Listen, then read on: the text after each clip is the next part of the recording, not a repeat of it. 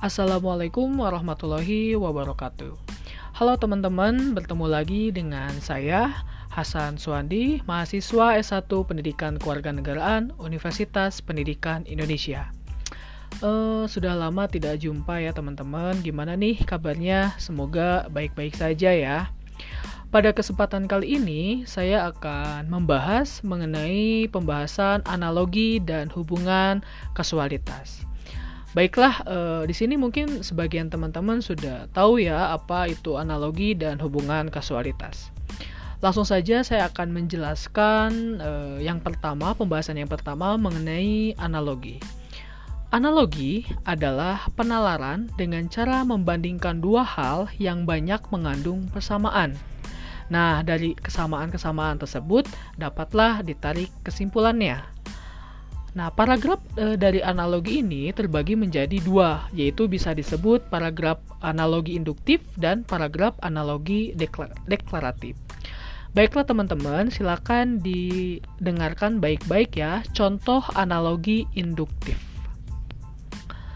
Di zaman sekarang ini, Mencari sebuah informasi atau referensi begitu mudah, seperti halnya membalikkan telapak tangan. Hal ini disebabkan adanya internet yang membuat semua itu mudah untuk didapat. Sayangnya, kemudahan yang diberikan internet justru membuat kita terlena dan malas untuk berkarya. Padahal, Mudahnya akses informasi atau referensi justru harus dijadikan pemicu untuk lebih produktif lagi dalam menghasilkan berbagai karya, bukan malah menjadi semakin malas dan konsumtif.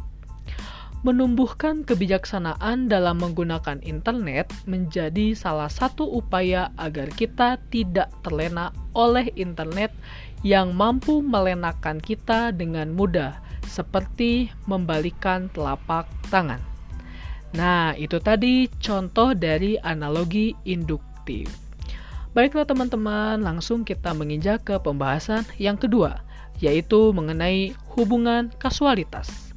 Nah, hubungan kasualitas ini mempunyai pengertian proses penalaran yang diperoleh dari gejala-gejala yang saling berhubungan. Hubungan kasualitas ini terbagi menjadi tiga bagian. Yang pertama ada sebab akibat, lalu ada akibat sebab, dan yang ketiga ada sebab akibat satu, akibat dua. Baiklah, di sini kita lanjut ke yang pertama, yaitu sebab akibat. Sebab akibat ini berpola A menyebabkan B. Perhatikan contoh berikut ini. Andi suka membantu sesama tanpa pamrih. Dia juga selalu baik terhadap semua orang. Sikapnya yang sopan membuat dia mudah diterima di lingkungan mana saja. Tidak hanya itu, dia juga memiliki tutur kata yang lembut. Nah, itu tadi contoh dari se uh, kalimat sebab akibat. Lanjut ke yang kedua, yaitu akibat sebab. Nah, akibat sebab ini, sebab ini berpola akibat dari B. Jadi, untuk e, pembahasan yang kedua, sebab ini berpola akibat dari B. Nah, perhatikan contoh berikut ini. Hasil panen para petani di desa Cisandana tahun ini tidak memuaskan ribuan hektar sawah hanya bisa dipanen setengahnya. Banyak tanaman padi yang mati sebelum dipanen karena serangan hama seperti tikus, walang sangit, dan lain-lain. Nah, itu tadi ya teman-teman, contoh dari akibat sebab, di mana sebab ini berpola akibat dari B. Lanjut yang ketiga, yaitu sebab akibat satu akibat dua. Ini mempunyai pengertian bahwa suatu penyebab dapat menimbulkan serangkaian akibat. Nah, akibat pertama berubah menjadi sebab yang menimbulkan akibat kedua. Demikian seterusnya hingga timbul beberapa akibat. Perhatikan contoh berikut ini.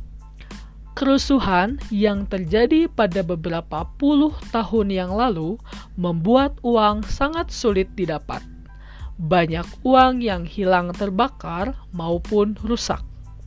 Oleh karena itu, pemerintah kembali mencetak uang sebanyak-banyaknya untuk mengganti uang-uang yang hilang tersebut.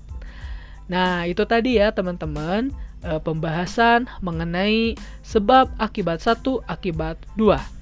Baiklah teman-teman, eh, tadi saya sudah menjelaskan beberapa contoh dan juga pengertian dari analogi dan hubungan kasualitas.